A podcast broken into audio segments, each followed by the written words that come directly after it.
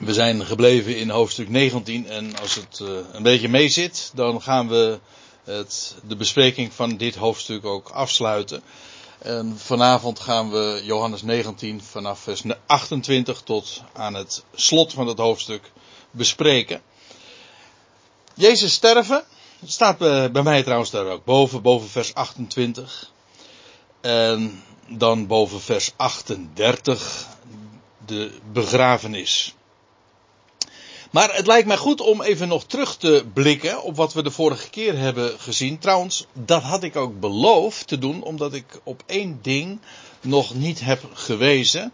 En eigenlijk moet ik zeggen, op twee, twee dingen heb ik niet gewezen. Namelijk de meer typologische betekenis van wat er gebeurde met dat kleed, dat onderkleed van Jezus, dat niet uh, gescheurd werd, maar dat verdeeld werd onder de Romeinse soldaten.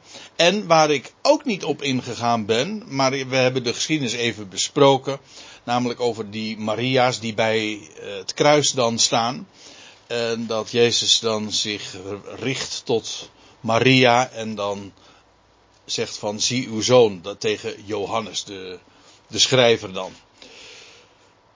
Weliswaar hebben we de, gewoon dat wat er staat, daarover staat geschreven even besproken, over wie het dan gaat. Maar de diepere zin, die heb ik even laten liggen. En ik heb gezegd, daar wil ik graag toch nog even op terugkomen. En dat, dat ga ik uh, nu ook eerst even doen, want dat is namelijk echt heel erg mooi.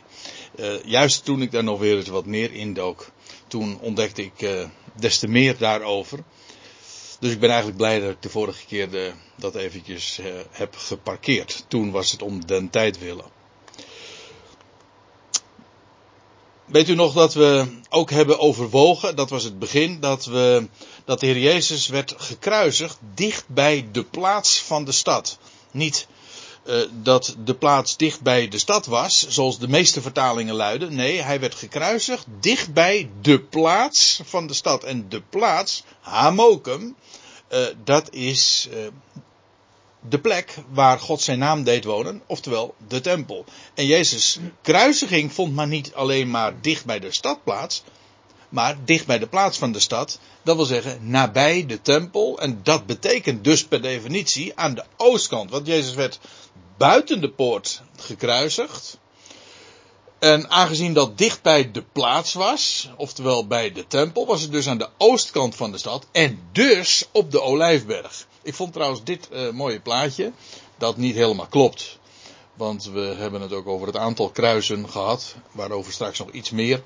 Maar uh, dit plaatje geeft ook aan uh, dat, als je goed kijkt, wellicht dat u het niet helemaal ziet, maar dit is dan een aanblik op de stad. En dit is dan, dit moet dan de tempel voorstellen. En inderdaad, zo is het geweest. Eh, de Romeinse hoofdman die Jezus heeft zien sterven, die heeft ook tegelijkertijd het gordijn van de tempel zien scheuren. En dat kan maar vanaf één locatie geweest zijn, namelijk vanaf de oostkant, oftewel vanaf de Olijfberg. Zodat de Olijfberg echt een, daarmee alleen maar des te markanter wordt, want het is namelijk en de plaats. Niet alleen maar waar hij heel dikwijls in gedurende zijn verblijf in Jeruzalem overnachtte, heel vaak was met zijn discipelen, waar hij de beroemde reden ook hield over de laatste dingen, maar ook waar hij dus gekruisigd werd, waar hij begraven werd, waar hij opstond en waar hij ten hemel voer en maar dat is toekomst, waar hij zijn voet ook weer zal zetten in de nabije toekomst bij zijn terugkeer. Met andere woorden, die locatie is zo veelzeggend. En dat het een plaats van olijf was en olijven. Ja. Eh, we hebben er trouwens ook nog bij stilgestaan dat het op, de, op Gotha was. Dat uh, hoofdschedel betekent. En uh, als u het mij vraagt, ik kan maar één hoofdschedel daarbij bedenken. En dat is het hoofdschedel van Goliath. En dat lag inderdaad bij Jeruzalem begraven. Maar goed, laten we dat niet nog eens een keer gaan herhalen ook. Wat heel opmerkelijk is, is in deze geschiedenis, in de wijze waarop Johannes dit neerzet, dat het klinkt haarswiskundig, maar dat is de verhouding 4 staat tot 1. Want wat hebben we gezien? Jezus werd gekruisigd en dan staat er in vers 18 van Johannes 19 en met hem twee anderen aan weerszijden. En in het midden Jezus. En meestal wordt er gelezen van dat er en met hem één ander aan, uh, uh, aan, weer, nee, aan weerszijde één. Nee, en met hem twee anderen aan weerszijden. Dus uh, niet dat er twee medegekruisigden waren, maar vier medegekruisigden. En er waren twee rovers, twee misdadigers, die op verschillende tijdstippen gekruisigd werden. Twee die tegelijkertijd met Jezus gekruisigd werden. En twee die pas op een later tijdstip werden, daar ook bij kwamen en ook gekruisigd werden. Uh, nou ja, de argumenten die ga ik niet herhalen. Maar wat nu vooral even van belang is, is de typologie. En dat is dat er dus. En daar heb ik de vorige keer trouwens al wel even op gewezen. Namelijk, de vier staat in het algemeen voor de wereld. De vier hoeken der aarde, de vier winden. Gewoon oost, west. Ja, thuis best. Nee, bedoel ik niet oost, west en noord en zuid. Gewoon heel de wereld. En de vier staat daar ook voor. En met de ene in het midden. En de Heer stierf inderdaad. En met hem allen. Eén stierf voor allen. En dus zijn allen gestorven. En met Christus, maar dat geldt voor in feite de hele wereld. Alleen, alleen gelovigen kunnen het vandaag ook al beleiden. Maar de wereld stierf met hem. Ik kom op dit plaatje trouwens straks nog terug. En het is voldoende om er nu even op te wijzen dus dat hij in het midden was en twee aan weerszijden met hem gekruisigd werden. Maar die verhouding 4 staat tot 1 of 1 tot 4, dat is in dit geval even om het even, vinden we nog een keer. Namelijk, als we het hebben over het kleed dat verloot wordt onder vier Romeinse soldaten. Dan is het ook weer dat ene kleed, het was met recht één kleed, namelijk zonder naad. Het kon niet gescheurd worden met goed fatsoen, dus het was gewoon uiteen geweven. En dat wordt verloot onder de vier. En dat onderkleed was dus evenals dat van de hoge priester uit één stuk. Het, kijk, Jezus liet een kleed achter. Ja, daar, kan, daar zou je heel wat meer verhalen van kunnen vertellen. Over Jozef die een kleed achterliet. Ja, dat in, twee, in twee opzichten zelfs. Want hij, ooit werd hij, zijn, zijn veelkleurige rok werd hem afgenomen. En in bloed gedompeld, weet je nog. Maar later lees je ook, dat hij dan bij, bij Potifar in huis is, dat hij ook zijn kleed achterliet. En later lees je ook nog van Elia, die zijn kleed achterliet. Was trouwens ook bij de doortocht door de Jordaan. Dood en opstanding. Hij liet zijn kleed achter en, en, hij, en het was Elisa die vervolgens, eigenlijk aan de andere kant van de Jordaan, uh, dat kleed uh, op zich nam. Uh, de mantel, ja, de mantel van Elia. Dus, ja, daar is. Over de typologie van al die geschiedenis, die laat ik nu even rusten. Het gaat er even om. Jezus stierf en hij liet dat ene kleed achter. Eigenlijk dat in feite al verwijst naar het hoge priesterschap. Dat, en waar kwam dat terecht? Wel, de eenheid die Jezus nalaat. En ook zijn hoge priesterschap dat komt van Gods wegen, want dat is ook wat loting eigenlijk is. Bij loting, ja, bij ons is het een, een, een triviaal spelletje geworden. Je, je, je gokt, je loot. Maar het idee bij loting is, in de Bijbel in ieder geval, dat je, jij als mens hebt geen invloed. En je werpt het lot in de wetenschap dat er slechts één is die daarover gaat. Het staat ook in spreuken van uh, het lot wordt in de schoot geworpen, maar elke beslissing daarvan is van de Heer. Of van Yahweh. Met andere woorden, ja, daar heb, de, een mens heeft daar geen invloed op. Ja, wie dan wel? Nou, als het geen mens is, dan is er dus maar één die daarover gaat. Dus in feite een heel. Uh, je, je, ga, je zegt eigenlijk van, wij weten het niet. Beslist u het maar. Dat is wat loting echt is. Maar uh, in dit geval, die, uh, die vier Romeinse soldaten. Wie het uiteindelijk kreeg, weten we niet. Dat is verborgen. Hey. Maar het ging naar de vier toe. Doorloting. Het kwam dus in de wereld. Eigenlijk was het zo dat wat Jezus naliet.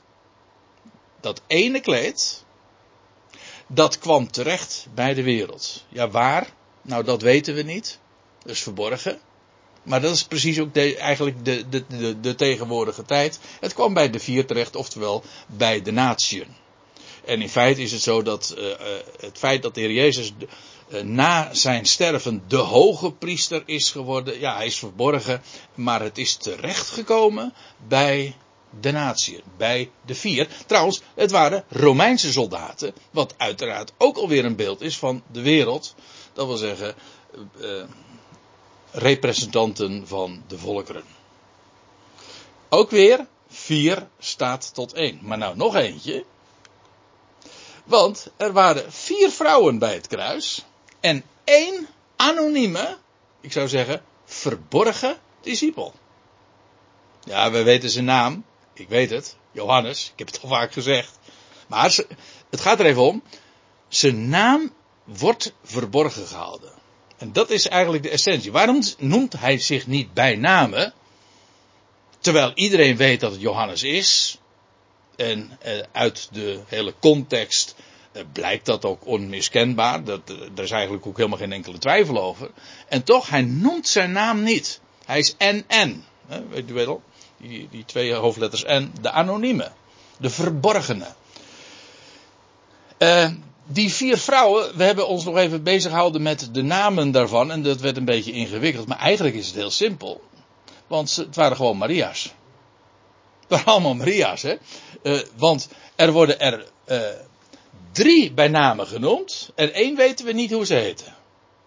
Maar de drie van wie we de naam wel weten, was de ene was Maria, de andere was Maria en de andere was Maria. En er wordt dan bij gezegd, ja, de ene was van Klopas en de Maria de moeder van Jezus. En het was ook nog de Maria uh, Magdalena natuurlijk, ja.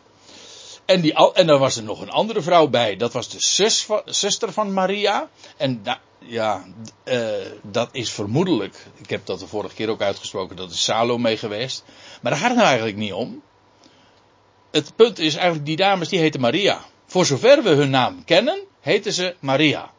Dus uh, dat is het idee ook. Uh, Maria staat daar bij het graf. Pardon, bij het kruis.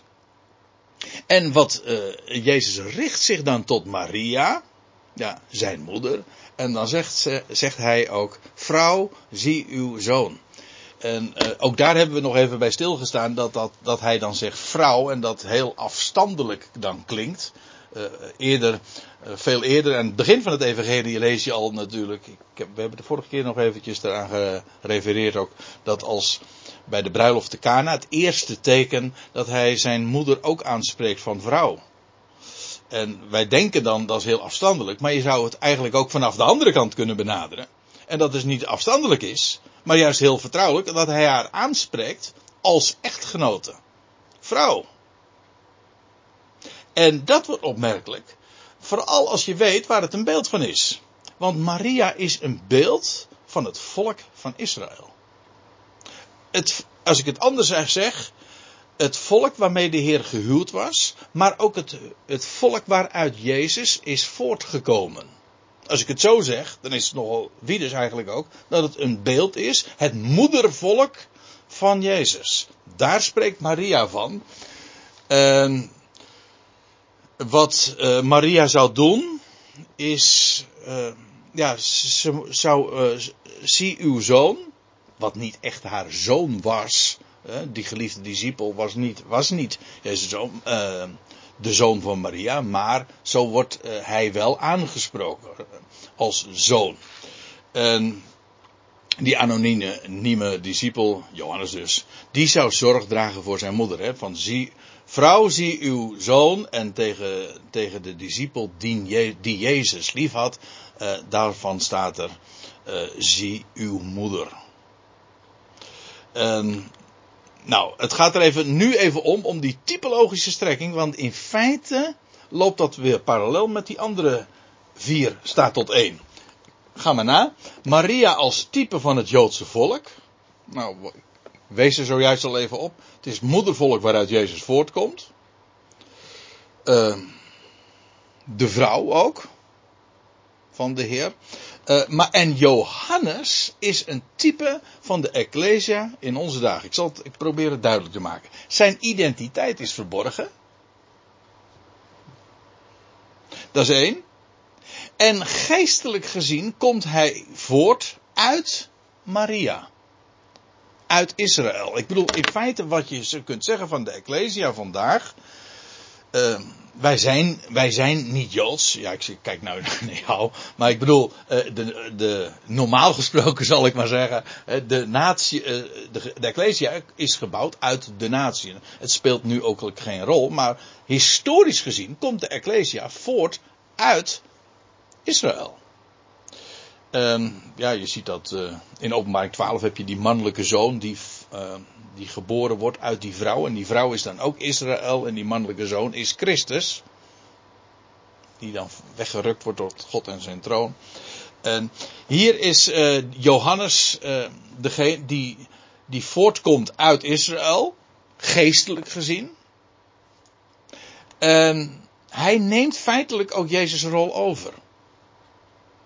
Want Jezus verlaat het toneel, neemt afscheid en nou zegt hij tegen Johannes, nee, tegen de geliefde, zie uw moeder. Het is niet echt zijn, lijfelijk gezien was het niet zijn moeder, maar we hebben het er al de vorige keer over gehad, maar dat zeg ik nu alleen maar eventjes tussen haakjes. Vermoedelijk is het een neef geweest, dat wil zeggen, Jezus was een neef van Johannes en Jacobus. Maar dat doet nu even niet de zaak. Het gaat erom dat Jezus zegt van, ik neem afscheid, zoon, zie uw moeder. En Johannes als type van de Ecclesia, die, uh, die zou omzien naar het volk waar hij uit voortgekomen is, geestelijk gezien ook. En uh, ja, het wordt standaard de geliefde genoemd. Maar het spreekt eigenlijk hier van Maria. Dus lees het Joodse volk. Vindt in de tijd van Jezus afwezigheid een thuis bij Johannes. Want er staat er ook Paul bij, uh, daarop van en vanaf dat moment nam Johannes haar bij zich in huis. Dus Jezus, of pardon, de anonieme, de verborgen zoon, hebt u hem? De verborgen zoon neemt, uh, draagt zorg voor en neemt uh, Maria op uh, bij zich. En uh, eigenlijk ook weer de Maria's, dat zijn er feitelijk vier dus, de vier Maria's, hè, de vier dames. Ja, het gaat, spreekt van het Joodse volk dat verstrooid is onder de natie. Ik geef toe, het is, je moet misschien even een paar keer een, link, uh, hinkstap doen. Maar het is een geweldige gedachte. Dus de vier dames, de vier vrouwen, ja, ze spreken van Israël dat verstrooid is onder de natieën. En in deze tussentijd, nu Jezus heeft afscheid, afscheid heeft genomen, is het zo dat ze een thuis vindt bij de zoon. Haar zoon. Niet haar lijfelijke zoon, maar wel haar geestelijke zoon. Johannes, de anonieme, de verborgene. En dat is de Ecclesia in onze dagen. Dus er zit een, een, een geweldige uh, rijkdom in. Die, ja, onder de oppervlakte, dat is onmiskenbaar. Waar ik het over heb. Maar het is geweldig wat, wat de heer Jezus doet uh, vlak voor zijn sterven. Dat hij omziet naar zijn moeder. Ja, omziet naar zijn moedervolk ook. En dan ook eigenlijk in het verborgene al een aanwijzing geeft van ja, Jullie komen onder de natieën terecht, maar daar vind je een onderkomen. Daar vind je een thuis. En ja, dat zie je dus eigenlijk op allerlei manieren. En in, bij de vier vrouwen die, of bij de Maria's, of bij Maria zo u wilt, die een thuis vindt bij Johannes. Maar ook bij dat kleed van, de, van die ene, dat niet gescheurd kan worden absoluut één is en blijft en dat door goddelijke toebedeling onder de natieën terechtkomt. In feite zijn er twee totaal verschillende tafereelen, pericopen in deze geschiedenis en feitelijk is het dezelfde gedachte die zich daarin ontvouwt. Nou, dat uh, wilde ik graag uh, gezegd hebben nog als een, uh, als een appendix en, uh, op wat we de vorige keer hebben gezien. En eigenlijk vind ik dit, uh, dit nog het allermooiste. Uh, om, om dit soort diepgang in zo'n geschiedenis te ontwaren. Laten we verder gaan, want we hebben nog de hele geschiedenis vanaf vers 28 te bespreken. En op sommige details kan ik nu eenmaal niet al te diep op ingaan. Want, maar er zijn nog een paar hele mooie verrassingen. Laten we eerst eens lezen. Na dit zei Jezus, na dit, dus na die geschiedenis, of na de woorden die hij zei tegen Maria, vrouw, zie uw zoon, en daarna zeide hij tot de discipels, zie uw moeder. En van dat uur af nam de discipel haar bij zich in huis. Of hij nam, hij nam haar bij zich. In huis staat er niet eens. Hij nam haar bij zich. Na, en daarna zei Jezus, in de wetenschap dat alles reeds volbracht was, namelijk wat volgens de schrift vervuld moest worden. Hij wist dat. En opdat de schrift vervuld zou worden, ik heb dorst. Um, dat, dit staat namelijk ook al in de psalmen. We, we weten natuurlijk, ja, al heel het boek van de psalmen eh, van, vanaf Psalm 1 tot en met Psalm 150, al de boeken van de psalmen moet ik zeggen, die gaan allemaal over de Christus, dat kan niet missen. Maar uh, er zijn van die uh, markante psalmen, Psalm 22 is daar in het, springt daaruit, maar Psalm 69 ook, die wordt ook in de Johannes-evangelie diverse keren aangehaald, gaat over de kruisiging van de Heer Jezus en over de verwerping door het volk. En, maar dan staat er ook inderdaad, uh, en zij lieten mij in mijn dorst, in mijn dorst azijn drinken. Is een psalm van David, maar dit spreekt hij profetisch uit. Azijn, dat is eigenlijk ook, uh, ja, zure wijn, zeg maar. Wel gegist, maar niet goed gegist, zodanig dat het zuur is. En ook dat stond geprofiteerd. En ook dat moest vervuld worden. En Jezus wist dat ook. En hij uh, heeft dat toen ook om die reden aan het einde. Want alles was reeds volbracht. En nu zei hij: Ik heb dorst. Want dan staat er. En, en daar. Er lag dan daar een voorwerp vol van zure wijn. Ja, wat natuurlijk ook wel vrij typerend is, want dat zowel zuur als bitter, dat typeren juist de beker, de, de lijdenskelk die hij tot de laatste druppel leeg heeft gedronken. Hij had in Gethsemane nog gebeden van laat deze beker aan mij voorbij gaan. De beker was nu bijna aan hem uh, voorbij gegaan, maar hij had wel de beker helemaal leeg gedronken. En ook, uh, nou het was met recht zure wijn. Zuur. En dan staat erbij, en ze vulden dan een spons van zure wijn. En staken die op een hyssopstengel.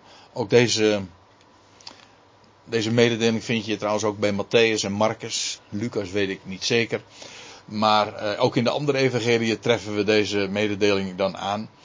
Behalve dat, van die, dat het een hyssopstengel was. Een riet staat er geloof ik elders. En ze brachten die naar zijn mond. Overigens, ik moet erbij zeggen, als je dat in het Matthäus-evangelie leest, dan staat er al dat vlak nadat de Heer Jezus is gekruisigd, geven ze Jezus ook te drinken en dan weigert hij. Nu aan het einde van zijn lijden, nu hij bijna gaat sterven, uh, verzoekt hij om om te mogen drinken, want hij roept mijn dorst. En dan geven ze hem ook daadwerkelijk uh, die zure wijn en brachten dat naar zijn mond. Maar dat was ook opdat hij de schrift zou vervullen. Niet aan het begin, niet om zijn lijden te verlichten dus, maar aan het einde. Hij, zou, hij stond op het punt, zeg maar, te sterven. En hoe, daar komen we straks op terug, want het is heel bijzonder.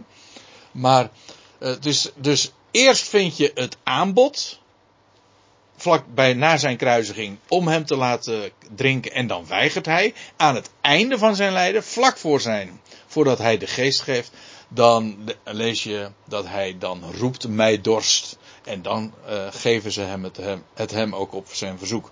In Matthäus vind je die beide keren ook uh, beschreven. Toen Jezus dan de zure wijn nam, zei hij, en de beroemde, maar ook geweldige woorden: Het is volbracht. Het is tot een einde gebracht.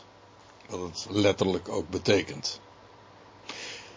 Moet erbij zeggen, ik zei het zojuist over Psalm 22, maar de Heer Jezus heeft, terwijl hij daar aan die paal gespijkerd is, uh, heeft hij ook de woorden van Psalm 22 stuk voor stuk herhaald. Hij kende de psalm. En hij heeft de woorden gereciteerd en uitgesproken. En weet u hoe, hoe Psalm 22 eindigt? Met deze woorden. Het eindigt met, en dat het nageslacht zal zeggen, omdat hij het gedaan heeft. Het is volbracht. Dus eerst in Psalm 22, u weet het, dat is die psalm waar staat van uh, mijn, die honden omringen mij en mijn God, mijn God, waartoe hebt gij mij verlaten? Over een bende boosdoeners die mijn handen en voeten doorboren. Uh, ze kunnen mijn beenderen tellen en, en dat ze de omstanders spotten van uh, anderen heeft hij gered en waarom redt hij zichzelf niet. Het staat allemaal geprofiteerd in de psalmen. En deze psalm eindigt dan met omdat hij het gedaan heeft. Het is volbracht. Waaruit inderdaad opnieuw blijkt dat deze psalm inderdaad door de Heer Jezus zo is uitgesproken. En daar hing die ene. Voor allen. Voor de hele wereld. 1 staat tot 4. En dan staat er erbij, hij neigde, hij boog het hoofd en gaf de geest over. In uw handen staat er in de Lucas-evangelie, als ik me niet vergis, in uw handen ook beveel ik mijn geest. Maar ik moet er ook bij zeggen, er was nog iets wat er gebeurde. Uh, maar nogmaals, ook dat uh, komt vanzelf straks ter sprake. Er staat in vers 31, de Joden dan, omdat het voorbereiding was, en de lichamen op de Sabbat niet op het kruis zouden blijven. Eerst nog even dit. Eh, de Joden dan, omdat het voorbereiding was. Het was namelijk een specifieke dag. En er zou ook een, een, een bijzondere Sabbat gaan aanbreken. Het was namelijk de dag voor het feest. Het feest namelijk van Pesach. Het feest van Pesach begint op de 15e. Ik zal het even laten zien. De 14e Aviv, of 14e Nisan, de maand heeft twee namen. De Aviv is eigenlijk het woord voor lente in het Hebreeuws. Dus het is de voorjaarsmaand. Het is de eerste maand van het jaar. Dat is de dag waarop het paascha geslacht zou worden. Lees dat in Leviticus 23 vers 4. Dit is de dag van de voorbereiding. Dit is nog niet de dag van het feest. Nee, dit is de dag dat het paascha geslacht wordt, op de 14e van de maand. En dan de dag daarop, dat is dus uiteraard de 15e. En dat was een dag, een jaar sabbat. Dat, de 15e Aviv of 15e Nisan, dat was een dag waarop geen slaafse arbeid verricht mocht worden. En dus in feite een sabbat was. Ongeacht op welke weekdag dat viel. Dat kon op een zondag, op, een, nou, op elke dag kon dat zijn. Het kon ook toevallig op een zaterdag zijn, oftewel op een zabbat. En dan viel het dus uh, samen. In dit geval was het een, een uh, de vrijdag. Ja, nou, dat is, dat, hier, wat ik nu zeg, uh, dat is, ik geef toe, direct toe, het is kort door de bocht. Ik heb daar ooit eens een keertje een hele serie studies over gegeven, over die hele datering. Het is een heel bijzonder verhaal. Maar uh, ik wil er nu alleen even op wijzen. Dus 14 Nisan, dat is de dag van de voorbereiding. Dus de, dag voorafgaand aan het feest. Dan krijg je vervolgens de 15e Aviv, dat is een jaarsabbat. Eigenlijk de eerste, de grote dag van het feest. Dan krijg je, ja, als dat een vrijdag was, had je dus daarop aansluitend, had je weer een sabbat, want dat was gewoon de, de zaterdag, de wekelijkse sabbat. Zodat je twee sabbatten achtereen had. En dat is echt het verhaal. Want je had, ja, er waren twee sabbatten. En ja, daarop volgend had je dan de 17e Aviv. En dat was de dag na de Sabbat. En dat was dus de dag waarop de eersteling schoof aangeboden werd. Voor deze, voor deze hoogtij was weer geen datum geprikt. Maar was een weekdag vastgesteld. Namelijk, het was daags na de Sabbat. Wordt geen datum genoemd. Vandaar ook dat ze vervolgens 50 dagen moesten gaan tellen. Dat een vrij omslachtige manier is. Uh, waarom niet meteen een datum gegeven? Nou, er is geen vaste datum voor. Er is een vaste weekdag voor. In ieder geval, en dit is de dag geweest dat de Heer Jezus vroeg in de ochtend opstond. En dat was inderdaad op een zondag. Maar dat betekent dus dat hij drie nachten in het graf heeft gelegen. Vrijdag op, uh, donderdag op vrijdag, vrijdag op zaterdag, zaterdag op zondag. Drie nachten in het graf, precies zoals de, dat ook staat in Matthäus 12. Dat de Heer drie nachten in het graf zou leggen. Niet twee, zoals de gebruikelijke telling. Meestal zeggen mensen van ja, Jezus stierf op, op Goede Vrijdag en zondagochtend stierf hij op. Had hij twee nachten in het graf gelegen. Dat komt ook omdat men niet weet, omdat van, van, die, van, van die Joodse gebruiken en van het feit dat er twee sabbatten in dit jaar toevallig, want dat kan verschillen, uh, achter elkaar uh, waren. Twee sabbatten. En dit was dus de veertiende, de dag van de voorbereiding. Oké, de Joden dan, omdat het voorbereiding was, de veertiende, de dag dat het lam geslacht werd, en de lichamen op de Sabbat niet op het kruis zouden blijven, want de dag van die Sabbat was groot. Ja, maar hoezo groot? Nou, het was de jaarsabbat. Het was trouwens om, om een, nog een reden groot. Er, er, er viel namelijk pal daarop nog een Sabbat. Zodat het ook een hele lange Sabbat was. Ziet u? Het was een grote Sabbat omdat het een jaarlijkse Sabbat was. In dit geval op een vrijdag. En pal daarop ook de zaterdag, de wekelijkse sabbat viel, zodat het in dubbel opzicht een grote sabbat was die daarop zou volgen. En de lichamen op de sabbat niet op het kruis zouden blijven, want de dag van die sabbat was groot. Nou, de Joden dan, die, die vroegen Pilatus om hun benen te breken en zij weggenomen zouden worden. Dat was het gebruik.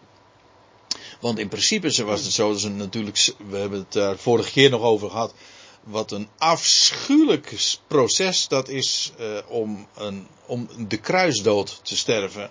Wat voor fysieke verschijnselen er dan optreden, dat is met geen pen te beschrijven. Want je kan op een gegeven moment ook geen adem meer halen. Je kan niet staan, want iedere keer moet je je oprichten om adem te halen. Maar dat kan weer niet. Uh, want het hele lichaam wordt uitgerekt. Het is afschuwelijk. Maar neem niet weg dat een, ge, een, een, een, krachtige jonge man, en dat was Jezus hier in dit geval ook, was nog in, uh, ja, ergens in de begin dertig. Uh, ja, zo, zo iemand uh, kon nog dagenlang blijven leven. Je leest ook trouwens dat als de Joden bij Jezus komen, dat Pilatus, ergens in de andere evangelie staat het, dat Pilatus verbaasd is dat Jezus al gestorven was. Want dat was helemaal niet gebruikt, want meestal duurde dat nog een hele tijd. In dit geval uh, ja, moest er haast gemaakt worden met, uh, met van het kruis afgenomen te worden, omdat ja, de, er, er, volgde een feestdag en dan kon dat absoluut niet. En daarom uh, vroegen ze de benen te breken, want dat was de reden. De, als de benen nou gebroken werden, dat wordt zo eventjes tussen neus en lippen gezegd, maar moet je je voorstellen wat dat is. Maar in ieder geval, dan werd zo iemand, het slachtoffer, wel verlost uit zijn lijden, want op dat moment stierf hij onherroepelijk. Want dan kon je, de persoon die dan daar hing, kon zich niet meer oprichten om adem te halen. En dus, ja, dan, dan was het eigenlijk uh, zo maar gebeurd. Vandaar ook dat uh, het verzoek om de benen te breken. Zodat zij uh, weggenomen zouden worden, zodat de lichamen, de lijken van het kruis, van het hout, zouden kunnen worden afgenomen. De soldaten dan kwamen, ja, ja, nou komen we op een heel bijzonder stuk. De soldaten kwamen dan, en de benen van de eerste braken zij, braken zij wel, braken zij inderdaad. En van de anderen die met hem mede. En, de, en van de anderen met hem mede gekruisigden. Moet je voorstellen, ze komen bij de een. Daarvan breken ze de benen. Dan komen ze bij de ander. Breken ze ook, uh, die breken ze ook. En dan staat er, dus de eerste. Oh, pardon. De, de andere, die met hem mede gekruisigd waren. En dan staat er, maar toen zij bij Jezus kwamen, namen ze waar dat hij reeds gestorven was. En de benen van hem braken ze niet. Dit is opnieuw trouwens een bevestiging van wat ik het over had met de vier medegekruiselden. Want stel je voor dat de Heer Jezus nou met dat, als je die buitenste kruisen nu even wegrekent en dat er maar drie waren, dus Jezus in het midden, dan is dit heel onlogisch. Ze kwamen bij de een en dan komen ze vervolgens hier en dan gaan ze naar Jezus. Dat, dat, is, niet logisch. Hè, als ze de benen gaan breken. Toch? Dit is wel logisch. Dit is dus een bevestiging zo bedoel ik het eigenlijk ook te zeggen. Niet als een bewijs, nou, maar het is een bevestiging. Want als je er onderuit wil, dan kun je, dan kun je dit wegredeneren. Dat begrijp ik. Maar dit is een bevestiging, dat wel, van het feit dat, uh, dat ze eerst dus hier kwamen, dan daar, en dan komen ze bij Jezus. En dan willen ze ook zijn benen breken. Maar dat doen zij dus niet. Waarom niet? Uh, omdat ze waarnamen dat hij reeds gestorven was. En dus braken zij zijn benen niet. Waarna de vraag is: hoezo? Waarom was hij al gestorven? En nou ga ik iets vertellen wat ontzaglijk onbekend is. En dat is dat de Heer Jezus geslacht is. Letterlijk. Alleen in de vertaling komt dat niet uit de verf. Maar ik ga het bewijs wil ik wel leveren, uiteraard. Want als ik iets beweer, dit is best wel heel bijzonder. Ook heel logisch moet ik erbij zeggen, maar het is heel onbekend en vandaar dat ik het toch moet toelichten. Laat ik eerst even lezen wat er dan staat. Uh, maar de benen van hem braken ze niet. Waarom niet? Om, dat ze waarnamen dat hij reeds gestorven was. Het was dus niet meer nodig om zijn benen te breken. Maar een van de soldaten had gepriemd of gestoken met een lanspunt in zijn zijde en er kwam meteen bloed en water uit. Nou moet ik er iets bij zeggen. Want als u nou meeleest in uw Bijbeltje, dan staat er niet had gepriemd of had gestoken, maar stak. Dus dan leest men, maar één van de soldaten stak met een lanspunt in zijn zijde en er kwam meteen bloed en water uit. Wat een heel eigenaardig verhaal is als je het gewoon even in de gebruikelijke lezing leest. De soldaten krijgen de opdracht om de benen van de gekruisigden te breken, zodat ze de lijken, eh, zodat ze meteen sterven en de lijken van het kruis af kunnen nemen. Dan doen ze bij de eerste, de tweede, dan komen ze bij Jezus aan. En dan breken ze zijn benen niet. En dan? Ze breken, ze breken zijn benen niet. Waarom? Omdat ze zien, hij is reeds gezorgd. Maar waarom? Waarom, waarom steken ze dan een speer in zijn zijde? Dat is toch niet logisch? Als je ziet dat hij al gestorven is, waarom zouden ze dan nog een, een, uh, een speer in zijn zijde steken? Ter bevestiging of zo? Maar dan hadden ze de benen kunnen breken. Als ze het niet zeker wisten, dan hadden ze gewoon precies wat ze bij die andere twee ook hebben gedaan, gewoon de benen breken. In dit geval doen ze dat niet en nou moet ik iets zeggen, en dat, nou komt er iets van grammatica bij. Er staat hier dit woord, primen, of steken, eigenlijk letterlijk primen. Um, in dit geval met een landspunt, met een, dus de punt van een speer, wordt in zijn zijde gestoken. Er staat hier in, in, het staat hier in de aorist. En ik heb daar wel vaker wat over verteld, over deze bijzondere Griekse werkwoordsvorm. Want kijk, je hebt, even heel simpel ik ben een taaldocent uh, jarenlang geweest en Ik wil het graag simpel, eh, simpel houden. We hebben, je hebt de toekomende tijd. Je hebt de verleden tijd en je hebt de tegenwoordige tijd. Ik loop, tegenwoordige tijd. Ik ga lopen of ik zal lopen is toekomende tijd. Ik heb gelopen of nou, ik liep, dat is verleden tijd. En ik heb gelopen, dat is dan het voltooid tegenwoordige tijd. Hè? Ik heb gelopen. Ik loop nu niet meer, maar ik heb gelopen. Nou, oké, dat zijn de vormen die wij kennen. Kent het Grieks ook? Het Grieks is buitengewoon accuraat en precies in al die werkwoordsvormen. Maar het Grieks kent nog een vorm en dat is de aorist. En aorist, daar herken je ons woordje horizon nog in, uh, orizo. En dat betekent, aorist betekent letterlijk, zo a is zonder, aorist betekent zonder horizon. En dat is dan gebruik je het werkwoordsvorm gewoon als feit. Zonder enige aanduiding van de tijd. Gebruik je gewoon uh, een werkwoordsvorm waarbij het louter om het blote feit gaat. Zonder enige gedachte of het toekomst of verleden of heden is. Dat doet niet ter zake. Het is dus het is een tijdneutrale uitduiding. Het kan betrekking hebben op iets in het verleden of in de toekomst. Het kan allemaal.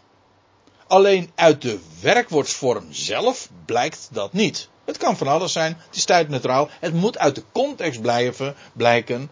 Uh, A. Of het van belang is. En B. Uh, op welke tijd het betrekking heeft. Het is, aorist wil zeggen, het is tijdneutraal. Dus hier staat, uh, maar één van de soldaten had gepriemd. Maar eigenlijk staat er gewoon priemd. Ongeacht wanneer. Dus van, uit deze werkwoordvorm kun je niet opmaken of dat nou in het verleden, uh, of het op dit moment plaatsvindt, of al eerder had plaatsgevonden. Staat er niet. Dus gewoon, Johannes gebruikt alleen maar de, uh, duidt aan, het, het gebeurt. Of het, het, uh, het feit heeft plaatsgevonden, of dat vindt plaats. Zonder gedachte dus van de tijd. Het feit wordt gesteld zonder tijdsindicatie. En wat is nou het punt? Vers 34, dit vers dus, verklaart waarom Jezus reeds dood was en zijn benen niet gebroken werden. Dus je krijgt vers 33. Maar toen ze bij Jezus kwamen, namen ze waar dat hij reeds gestorven was. De benen van hem braken ze niet. Oké, dat roept een andere vraag op. Hoe, hoe komt het dat zij weten dat hij reeds gestorven is? Hoezo is hij reeds gestorven? Nou, vers 34 geeft het antwoord. Dat komt, een van de soldaten, die prinde met een landspunt in zijn zijde en er kwam meteen bloed en water uit. Daarom, dat is de reden dus waarom Jezus uh, was, uh, reeds gestorven was. En nou komt de, de, de klap op de vuurpijl. Want nu ga ik het echte bewijs geven. Alleen, ik geef het direct toe. Als u nou meeleest in uw vertalingje, staat het er niet. Maar ik zal u vertellen, er staat in Matthäus 27. Dus een parallel gedeelte gaat ook over de kruisiging, over Jezus sterven. En dan staat er, en onmiddellijk liep een van, de, een van hen en nam een spons en vulde die met zure wijn en stak ze op een rietstok en hij gaf hem te drinken. Eh, dat herkennen we, want dat stond door Johannes en trouwens bij Marcus en Lucas ook zo beschreven. En dan lees je nog maar de overige zijde. Laat gaan, laten we waarnemen of Elia komt om hem te redden. Er wordt gespot, ook in verband met dat er geroepen was van Eli, Eli. Lama Sabachthani, ja dat. En dan horen ze de naam van Elia. Nou ja, er wordt gespot. En nou komt er een tekst, wat in bijna alle Bijbelvertalingen is verdwenen, maar wat in alle grote handschriften staat. Dat wil zeggen in de meerderheid van de handschriften, en dat is deze tekst. En ander nam een lanspunt en stak in zijn zijde en er kwam water en bloed uit. Het enige verschil is eigenlijk met Johannes is dat daar de volgorde is omgedraaid, namelijk bloed en water. Hier staat water en bloed. En dan staat er in vers 50, Jezus nu schreeuwde wederom met luide stem en liet de geest gaan. Aha.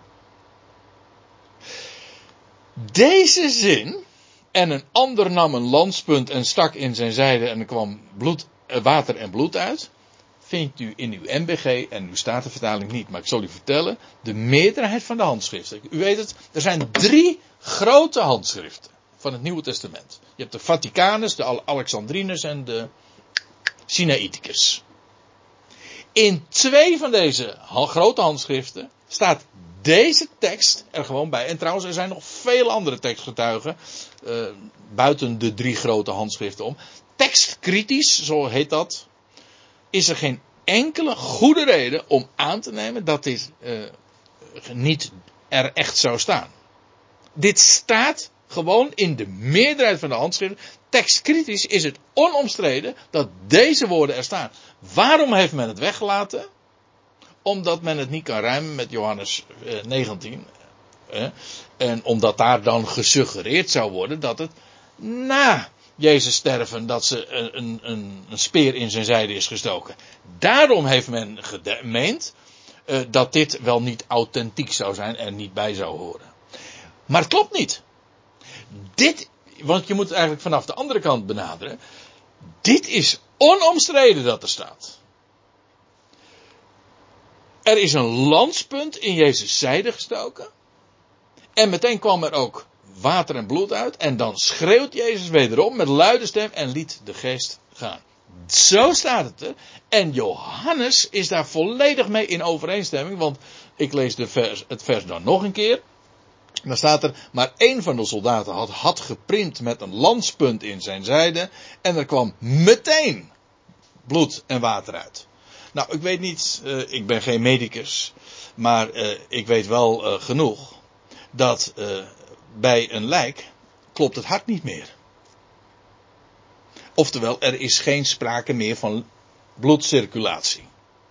De, ja, de druk is er meteen af. Dus op het moment dat het, het, bloed, het hart stopt, ja, dan, als je dan steekt in een lichaam, dan is niet zo dat er meteen dan bloed uitkomt. Sterker nog, het uh, bloed het gaat dan de weg van uh, de, ja, van de zwaartekracht. Het zakt gewoon naar beneden. En in een liggende positie, ik heb dat ook wel andere verhalen over gehoord. Vandaar ook dat je meteen eigenlijk lijk, lijkwit wordt. Want het, als je in een liggende positie, wat het meest gebruikelijk is natuurlijk als je sterft. In een liggende positie sterf je en het hart stopt. En meteen zakt het bloed naar, naar beneden. Uiteraard, iets wat zakt gaat altijd naar beneden. Maar in dit geval hing Jezus aan het kruis. En dus in een staande positie. Verticaal bedoel ik. En wat gebeurt er dan?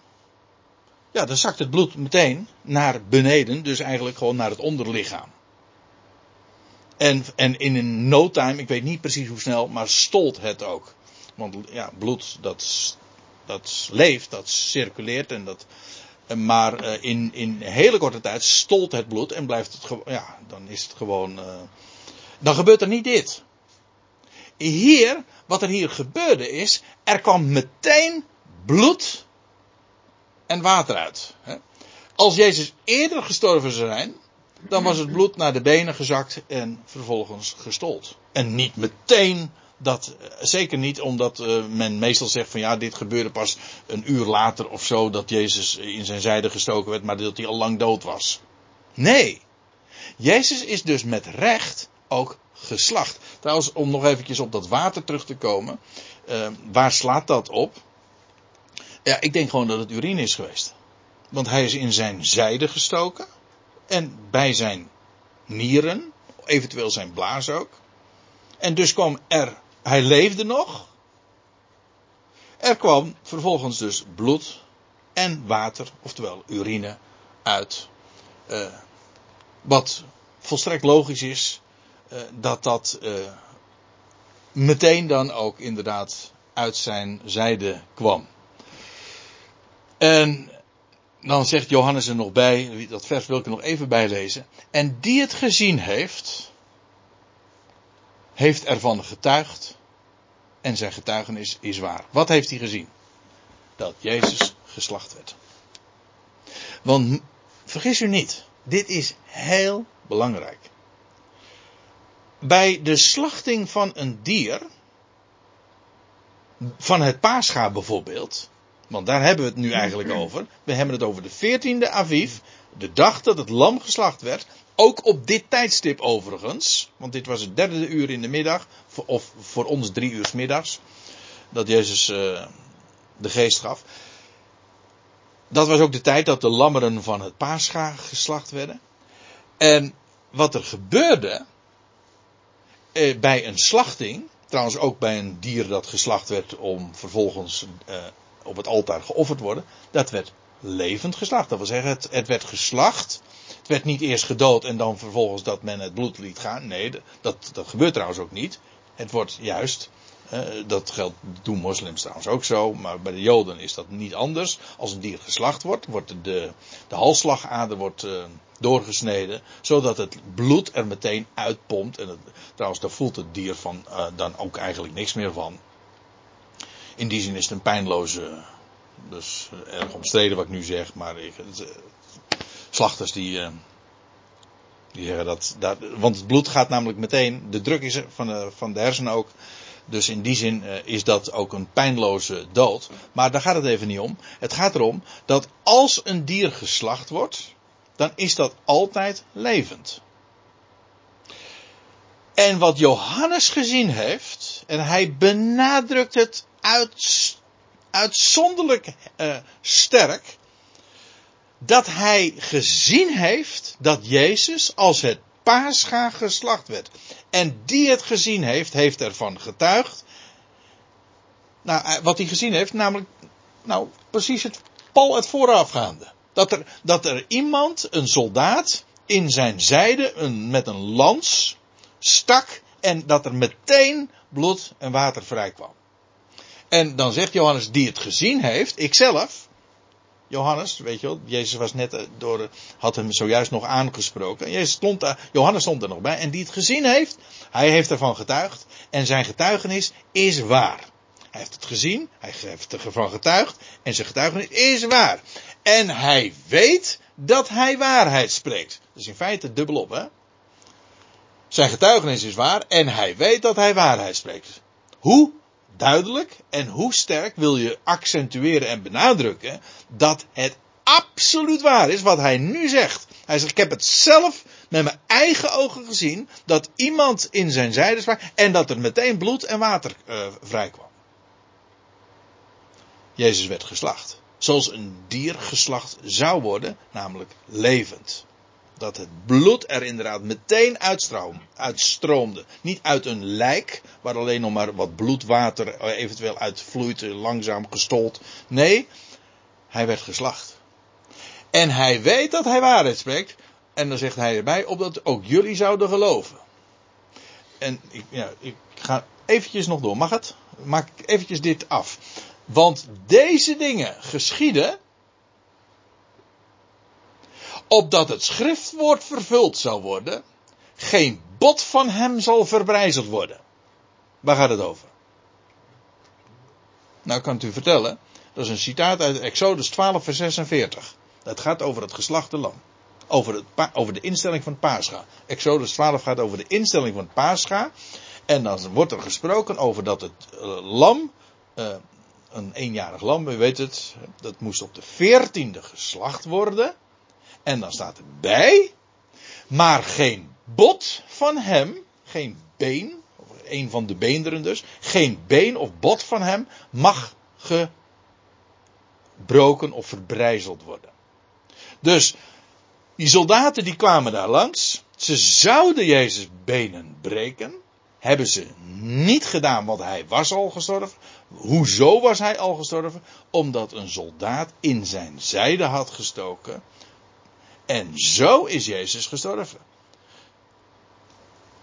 Al met de verbazing die Pilatus ook had dat hij zo vroeg gestorven was. Hoezo? Wel, hij is geslacht. En Johannes zegt, ik heb het gezien en ik getuig ervan, het is de waarheid absoluut, opdat je zou geloven. Dat hij het paascha is. Geen been van hem is gebroken, maar hij is werkelijk geslacht. Echt geslacht, zoals dat ook was voorgeschreven dat zou gebeuren, namelijk levend geslacht. Zo is het gebeurd met de Heer Jezus. Dus niet een speer in zijn zijde nadat hij gestorven was, maar zo is hij gestorven. Zo staat het ook in het Matthäus-evangelie. En het Johannes-evangelie staat volstrekt mee in overeenstemming. Ik stel voor dat we het hier even bij laten. Dan gaan we straks uh, verder met uh, vers 37. Oké, beste mensen. Ik stel voor dat we nog even verder gaan, want we hebben nog een stuk of zes, zeven versen te gaan. Wat we tot dusver hebben gezien, is uh, met name die laatste versen dat uh, de Heer Jezus dus inderdaad is gestorven, eerder dan degene die met hem waren gekruisigd, omdat een soldaat in zijn zijde heeft gestoken met een speer. En zo stierf hij. Zoals Matthäus Evangelie dat heel uitdrukkelijk ook aangeeft. En dat dat eh, in onze Bijbelvertalingen niet terechtgekomen is, ja, dat is uh, te betreuren. Maar aantoonbaar onjuist. Tekstkritisch is namelijk onomstreden dat het er inderdaad zo staat. En, en dat moet ik erbij zeggen, het is in overeenstemming met wat we in Johannes 19 lezen, dat is punt 2. En punt 3, de logica, namelijk de typologie, is zo voor de hand liggend. Namelijk, slachting vindt plaats bij leven. Zo wordt een dier, een offerdier, een paaslam geslacht. De beenderen worden niet gebroken, maar het dier wordt geslacht. Letterlijk, het bloed moet uh, eruit stromen. En dat is precies ook bij de Heer Jezus gebeurd. Nou, dat lijkt me een heel uh, belangrijk gegeven. Dus als wij spreken over het lam dat geslacht is, is dat maar niet bij wijze van spreken. Het is echt, ja natuurlijk, hij was bij wijze van spreken het lam. Maar hij is inderdaad het paascha die op de juiste datum, dat wil zeggen op de daarvoor gereserveerde tijdstip, is op die dag, op dat moment zelfs, is hij geslacht en gaf hij zijn bloed. Terwijl het hart pompte en zo ook uh, inderdaad meteen ook uh, zijn lichaam verliet. En zo gaf hij ook een schreeuw naar uh, bij zijn sterven, logischerwijs. Hij kreeg die speer, die speer in zijn zijde en, en Jezus gaf met luider stem en gaf zo ook de geest. Als je schrift met schrift vergelijkt, is dat het, het scenario geweest. Goed, vers 37. Uh, nadat in vers 36 dus uh, nog de schrift geciteerd wordt, Exodus 12, geen bot van hem zal verbrijzeld worden, en vers 37, en weer een ander schriftwoord zegt, en dat is Zacharia 12, vers 10, zij zullen zien op wie zij doorstaken, wie zij, uh, ja, op wie zij doorstaken, dat is geen goed Nederlands, wie zij doorstaken, op wie zij hebben doorstoken, ja. Hè? Oké. Maar uh, dat is uh, Zachariah 12. Ja, daarover is ook een heleboel te melden. Uh, maar dat wil ik nu niet doen. Omdat, hoezo veel te melden? Omdat die schriftplaats nogal eens een keer wordt geciteerd. Bekend is die in openbaring dat aller oog zal hem zien. Ook zij die hem hebben doorstoken. En dat is een citaat uit Psalm, of dat is geciteerd uit Psalm, uh, nee, pardon, Zacharia 12, vers 10. En dan staat er ook van dat uh, de inwoners van Jeruzalem hem zullen zien als hij straks zal komen en dan zullen ze hem zien. En dan zullen ze inderdaad, zoals dat we van Thomas ook lezen, van ik, ik, ik geloof niet in hem, eer dat uh, ik echt gezien heb de tekenen in zijn handen en voeten en in zijn zijde. En ze zullen straks ook inderdaad zien, hij is inderdaad het lam. Doorstoken. Het, het geslachte, het lam, hij is de leeuw van Juda, maar hij is het lam dat geslacht werd. En dat slachten slaat dus niet op het feit dat, dat hij zijn handen en voeten doorboord zijn. Dat is wat vaak gedacht wordt. Zijn handen en voeten werden doorboord en toen bloedde hij. Jawel, maar dat was niet zijn slachting. Een slachting wil zeggen dat het, het bloed uh, het lichaam verlaat, zodat sterven het gevolg is. Dat is, dat is wat slachten is. En hij is dus met recht uh, zo ook geslacht. En, ze, en straks zal Israël zien wie zij hebben doorstoken. Je zou natuurlijk kunnen zeggen van, ja, maar dat was toch een Romeinse soldaat die dat deed? Jawel, dat klopt. Het was een Romeinse soldaat die dat deed. Die voerde de slachting uit. Maar Israël nam het initiatief. Weet u dat? Zo wordt het later ook, als een paar maanden later Petrus op het tempelplein vertelt, dan zegt hij ook, jullie hebben door de handen van wetteloze mensen aan hem aan het, het kruis genageld en gedood. Je, weliswaar ging dat door de handen van, door middel van de Romeinen die het zeg maar gelegitimeerd hebben. Dat moest, dat wilden ze ook zo. Maar het is volstrekt uh, het, het, volk Israël dat daar primair voor verantwoordelijk was. En in die zin uh, klopt het trouwens ook dat uh, Pilatus zijn handen in onschuld waste. In die zin dat hij, hij het was niet zijn idee. Het was niet zijn initiatief. Hij heeft alles in het werk gesteld om het, om het te voorkomen. Maar Israël heeft juist uh, daarop aangedrongen. Dus het klopt inderdaad. Zij hebben hem. Zij zijn verantwoordelijk voor het feit dat hij geslacht is. Maar ik moet er ook bij zeggen, dat moest ook zo. Dat moest ook zo. Zij, en, en straks zullen ze dat ook inderdaad onderkennen. Nou, over die profetie en hoe dat straks zal gaan en hoe dat in Zacharia 12 en het hele, uh, de entourage zeg maar, waarin dat zal gebeuren. En ze, want dat is, uh, daarover is zoveel te, te zeggen. Om, om, daar staat er ook bij dat, dat de inwoners van Jeruzalem over hem een rouwklacht zullen aanheffen als, als over een eerstgeborene. Staat er. Ja, als over een eerstgeborene. Hij is de eerstgeborene. Nou, dat is dus wat Johannes als ooggetuige meldt. Johannes zegt: Ik heb het zelf gezien dat hij geslacht is en dat zijn beenderen niet gebroken zijn. En daarom dat het met recht ook op de dag van de voorbereiding van de 14e Aviv dat dit gebeurd is. En hij zegt: Ik schrijf dat opdat jullie zouden geloven. Dat hij inderdaad degene is die in de schriften aangekondigd is. Nou, en dan staat er, en nou volgt uh, vers 38 in mijn Bijbel, begint er ook dan een nieuwe pericoop, de begrafenis. En na deze dingen nu, vroeg Jozef van Arimathea, Jozef een bekende naam natuurlijk, en in het leven van de heer Jezus, en trouwens in het Oude Testament ook al. En deze Jozef, van hem lezen we als we de evangelie eventjes op een rijtje zetten en vergelijken. Hij was, dat blijkt ook al een beetje uit deze beschrijving, maar in Matthäus 27, vers 57 staat er ook uitdrukkelijk bij. Hij was een, eh, een rijk, een vermogend man. Hij was ook een aanzienlijk man, want hij was namelijk lid van het Sanhedrin, het Hoge Raad. En er staat er ook nog bij dat hij had niet ingestemd met Jezus' uh, veroordeling. Er was er nog één, en dat was degene die in het vers hierop uh, daarop uh, wordt vermeld. Maar uh, Jozef van Arimathea hoorde er ook bij. ja, er zijn heel veel speculaties daarover wie die Jozef van Arimathea is geweest. En zelf ben ik heb ik me hele tijd bezig gehouden met allerlei verhalen daarover. Maar dat, ik weet niet eens of ik het moet vermelden. Maar bijvoorbeeld dat het een hele rijke oom van de heer Jezus zou geweest zijn. Die kopermijnen heeft gehad in Zuid-Brittannië. En dat, nou ja, dat soort verhalen. Uh, het zijn, het zijn buitenbijbelse ideeën. Interessant, hoogst interessant. Maar uiteindelijk schiet je er geen bal mee op. Omdat het domweg niet in de schrift zo staat. En sommige dingen, moet ik erbij zeggen, eh, daar heb ik ook uh, mijn grootste twijfels erover. Ik vind het voldoende dat wat de schrift erover vermeldt. Uh, hij was een rijk man, hij was lid van het Sanhedrin. Je leest ook, hij was een rechtvaardig man. Hij verwachtte het koninkrijk gods.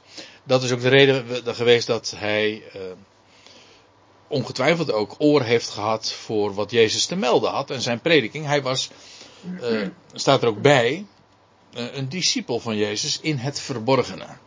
Stiekem dus. Hij kon het niet publiek zijn, niet openlijk. Dat pleit niet voor hem natuurlijk. Dat moet ik er ook bij zeggen. Maar eh, eerst nog even dit. Hij uh, na deze dingen nu vroeg Jozef van Arimathea. In, de hele, in het hele evangelie is hij verder trouwens nog niet voorgekomen.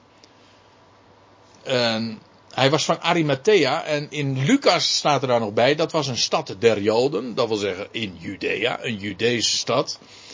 En, uh, het is de stad die we in het Oude Testament ook tegenkomen, namelijk als Ramataim. Ah, ja, kijk, dit is Grieks en dit is dan weer Hebreeuws. En dat krijg je dat soort uh, verschuivingen in uitspraak. Dus soms herken je het nauwelijks nog. Maar het is Ramataim Sofim. Ramataim Sofim. Maar beter kennen wij het eigenlijk als Rama. En als ik Rama zeg, dan zegt u, hé, is dat niet die stad waar Elkana, de vader van Samuel, vandaan kwam? En waar Samuel ook woonachtig was. Samuel heeft een opleiding genoten in Jeruzalem, in de tempel, bij Eli.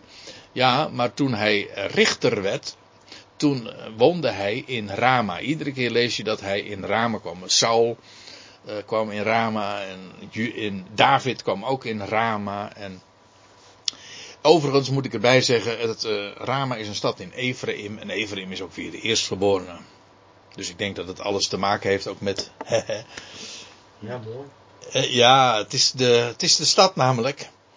Uh, of het, het, het gebied. Uh, ja, van de eerstgeborene. Eigenlijk, het heeft ook alles te maken met de tijd na Jezus sterven. Jozef van Arimathea gaat pas een rol spelen na Jezus sterven. En dat is precies ook waar, uh, waar deze tijd van spreekt. Van de verborgenheid, waar het eerstgeboorterecht naar de natieën gaat. Nou ja, ik wil dat nu even maar parkeren. Uh, er, hè?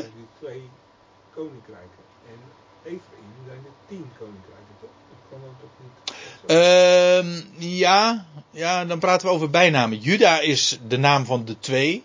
Uh, de twee stammen. En Ephraim werd de naam van de tien stammen. Maar je hebt ook nog het gebergte van Ephraim. Eigenlijk, waarom heten de, de tien stammen meestal Ephraim? Omdat Ephraim de belangrijkste stam was. Nou, logisch, omdat aan Ephraim ook het eerstgeboorterecht was gegeven.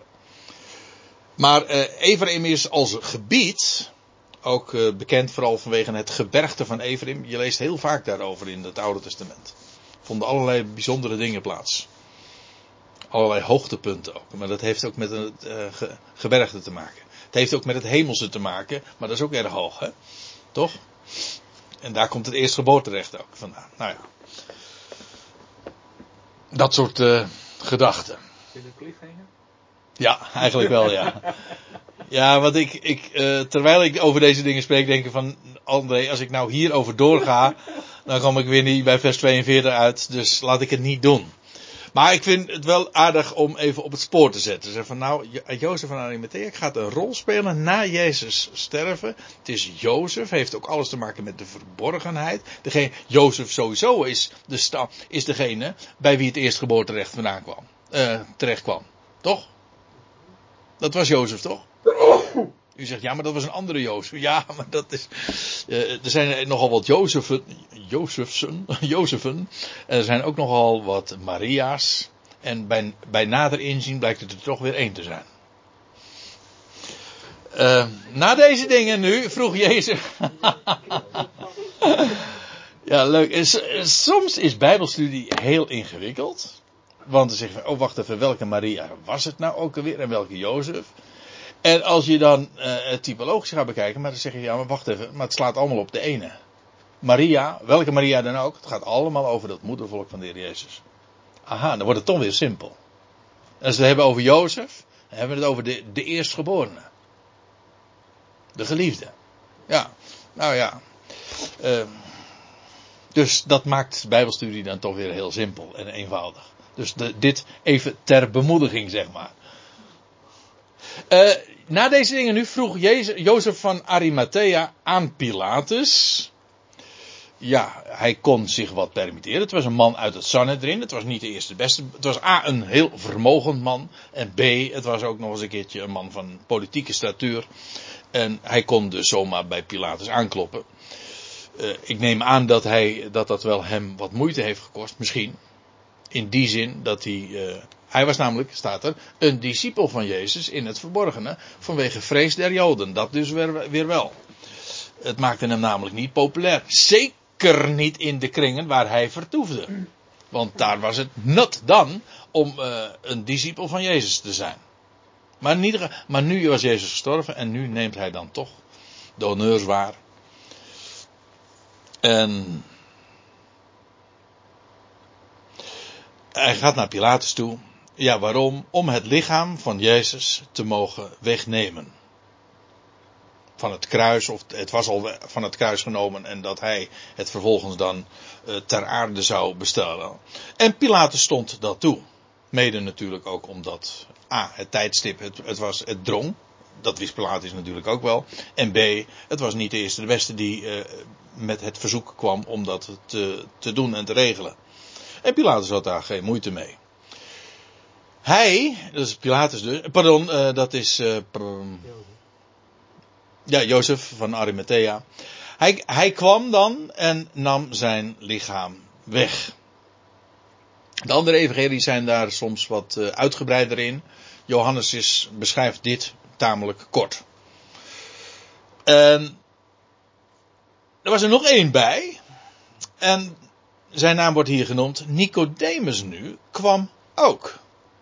En dan wordt er nog even bijgezegd uh, welke iemand dat dat was. Dat was die de eerste keer s'nachts naar hem toe kwam.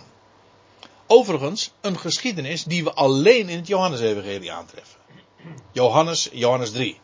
Weet u wel, Johannes 3, vers 16 is met name bekend, want al zo lief. Nou, dat is in dat gedeelte waarin uh, Jezus in gesprek is met Nicodemus.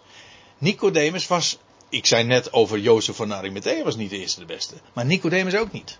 De heer Jezus zegt tegen hem, ben jij de leraar van Israël? En weet jij deze dingen niet? Dus de, hij was niet alleen maar een leraar in Israël, maar de leraar van Israël. En de heer Jezus zegt, weet jij deze dingen niet? Begrijp je dat niet? Maar ook Nicodemus was iemand die uh, angstig was. Ook vanwege zijn positie, want hij was een lid van het Sanhedrin. En die was natuurlijk ook niet voor niks in de nacht bij Jezus gekomen. Ook in het verborgene, zodat hij niet gezien werd.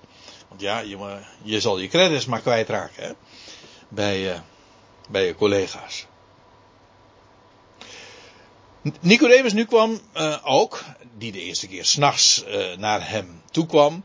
En hij bracht een mengsel, een, een, een mix, waarschijnlijk een poeder is dat geweest, van mirre en aloe. Ongeveer 100 pond. Nou, dat is toch erg veel. Hè? Dat zal ook een uh, grijpcijfer gekost hebben. Maar goed, dat moet voor deze mannen van aanzien, bovendien rijk, niet, uh, geen probleem geweest zijn.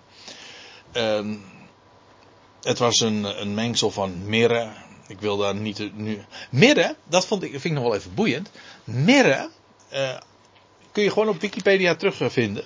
Het woord heeft een semitische oorsprong, dat wil zeggen, in de praktijk komt uit het Hebreeuws en heeft alles te maken met mara. En het is bitter. En het is bereid uit. Ja, goh, nou ga ik dingen zeggen en ik ben nou weer bang dat ik. dat Ari mij weer de volgende keer gaat corrigeren. Want uh, zodra ik botanische dingen dan ga vertellen.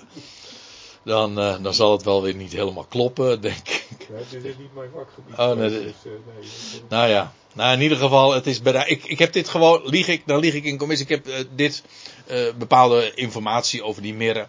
Uh, ja, dat kun je gewoon terugvinden op internet in, in, willekeurig naslagwerk.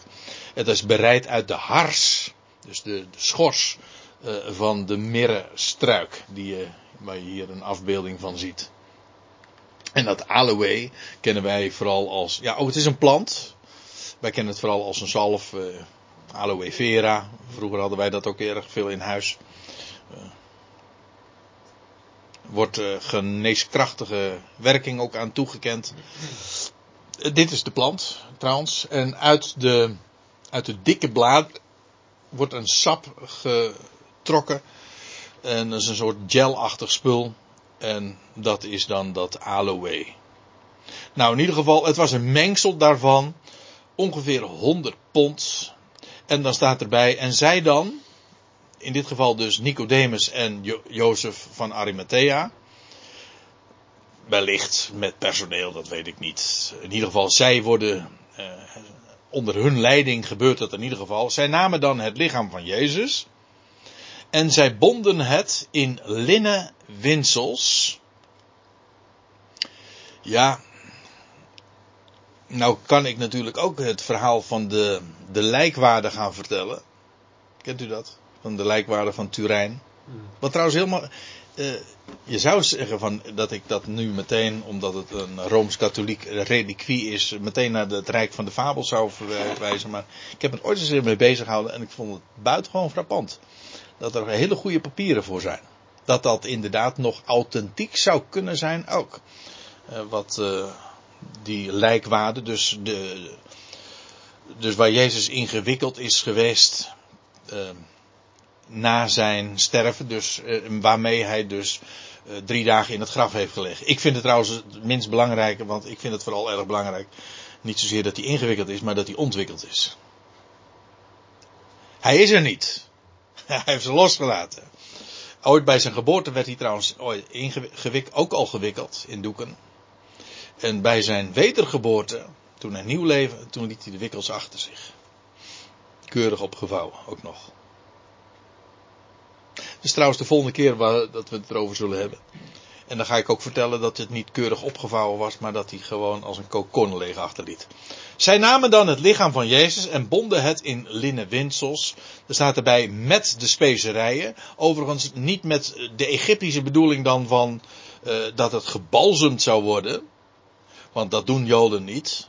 Maar om de, het was puur om de lijklucht tegen te gaan zodat die winsels doordrenkt werden met dat poeder, met dat mengsel. En dan staat erbij met het, zoals het bij de Joden het gebruik is, te begraven. Dus eh, conform de Joodse traditie, de toenmalige Joodse traditie, hebben ze dit op deze manier gedaan bij de begrafenis. Er is natuurlijk haast bij geweest, want het was al tegen de avond. Dat staat ook in de andere evangelie, dat het inderdaad tegen de avond was en tegen het vallen van de, dus bij zonsondergang, dat het uh, ternauwernood uh, klaar was allemaal. Want ja, het was, moet, moet je voorstellen, als dan de Heer Jezus om ongeveer drie uur middags sterft, dan moet er vervolgens uh, naar Pilatus nog, toestemming, vervolgens moet het gehaald worden, dan moet het geprepareerd worden, moet in het graf bijgezet worden. Nou, daar gaat, daar gaat altijd nog wel een paar uur overheen. Als je dit zo, ja, je kan het in, in een paar seconden vertellen, maar om het te doen, daar gaat echt enige tijd overheen. Dus je kunt je voorstellen, er was, uh, het was inderdaad tegen de avond dat het uh, klaar was. En dan staat er, er was nu ter plaatse waar hij werd gekruisigd een tuin.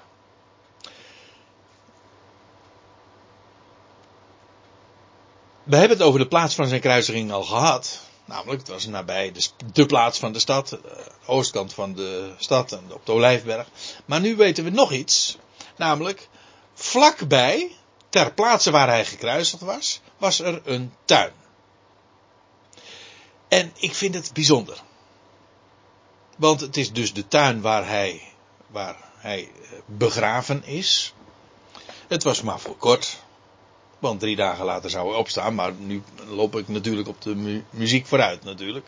Maar neem niet weg. Uh, het was op dezelfde locatie. En ik vind dat bijzonder. Want dat betekent namelijk dat de plaats waar hij werd gekruisigd. Ook de plaats is geweest dat hij opstond. Ter plaatse waar hij werd gekruisigd was een tuin. Wel, in de tuin werd hij begraven, maar stond hij ook op. Dus dat betekent hij stond op ter plaatse waar hij gekruisigd was. Het idee is, hij werd. Ja, nou, ik heb expres dit plaatje erbij gedaan. Dat is de moederbelofte. Ja, zo wordt het meestal genoemd. Het is eigenlijk niet zozeer een belofte, het was een oordeelsaankondiging aan de slang. Uh, dan wordt er gezegd van uh, het zaad van de vrouw. Dan staat er van uh, het zou de kop van de slang vermorselen. Dit, en dan wordt er gezegd, het zal hem, het zaad van de vrouw, de hiel vermorselen, maar het zou de kop van de slang kosten. Het idee is, hier vindt, wordt de hiel dodelijk getroffen. Het zaad van de vrouw zou dodelijk getroffen worden. Maar precies op de plaats waar hij dodelijk getroffen wordt, is ook de plaats waar hij de kop van de slang vermorselt. Ik zou haar zeggen, de kop van Goliath.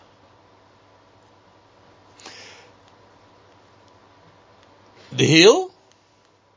Ja, maar daar werd hij getroffen. Daar waar hij getroffen werd, dodelijk.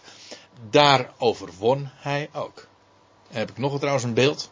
Want eh, we hadden het zojuist over slachting. Maar een dier werd geslacht. Waar werd een dier geslacht? Voor het altaar. En ik heb u. Nou ga ik, nog, iets vertellen, maar dat is hier niet zo'n geheim meer. Uh, of in ieder geval vrij bekend. Een altaar en het offer spreekt niet van de kruisiging, maar spreekt van de opstanding. Hij stond op, hij verrees uit het graf. Hij werd verhoogd en steeg op, goden tot een liefelijke reuk. Dat is de opstanding. Daarvoor, voordat een dier geofferd werd op het altaar, werd het geslacht. Eerst geslacht, daarna geofferd. Het offer spreekt van de opstanding, de slachting spreekt van zijn, ja, van het sterven. Maar even nu deze gedachte. Het dier werd dus geslacht. Dat is het kruis. Maar waar werd het geslacht? Bij of voor het altaar. Dus gewoon ter plaatse waar het, het dier geofferd werd, werd het ook geslacht. Nou, dat is precies wat hier staat. Ter plaatse waar hij gekruisigd werd, was een tuin. Waar hij begraven werd. En drie dagen later opstond uit de doden. Ter plaatse waar. Dus, dat is niet voor niks, hè? En er staat erbij nog, en in de tuin was een nieuw grafgewelf waarin nog niemand was geplaatst. hey, een nieuw. Er gebeurde ook iets heel nieuws daar hè, in dat graf. En dan nog iets. Hier werd dus de eersteling in geplaatst. Hij was de eerste. Die daar in dat graf bijgezet werd. En de eersteling werd in het graf gebracht. Maar wat meer is, de eersteling kwam uit het graf. Dat was echt nieuw. Trouwens, in het Matthäus-evangelie lees je nog bij, het was uit de rotsen uitgehouwen. Uit de rots. Leven uit de rots, honing uit de rots. Ja, mooi hè. Daar in die tuin is het allemaal begonnen. Het nieuwe leven. En daarin was nog nooit iemand geplaatst. De eersteling. Nou, en dan staat er in het laatste vers. Daar dan plaatsten zij Jezus. Het was ook inderdaad nood. Want dat is eigenlijk het motief wat hier wordt aangedragen. Want er staat bij, daar dan plaatsten zij Jezus vanwege de voorbereiding van de Joden, de 14e Nisan, het feest ging beginnen. Omdat het grafgewelf dichtbij was. Het moest dus, er was, ja, want dat was een strikte zaak. Het moest met het vallen van de avond, moest het rond zijn, dus kon hij niet op een andere locatie. Het was dus eigenlijk min of meer uit nood dat, het, dat hij hier begraven werd. Maar als ik zeg uit nood, dan moet ik zeggen, ja, dat was de gang van zaken. Maar als je het profetisch bekijkt, dit moest zo gebeuren. In een nieuw graf. Ter plaatse waar hij gekruisigd was. En dan nog iets. Hoe was dat ook alweer? Hoe stond het in, de, in Jezaja 53?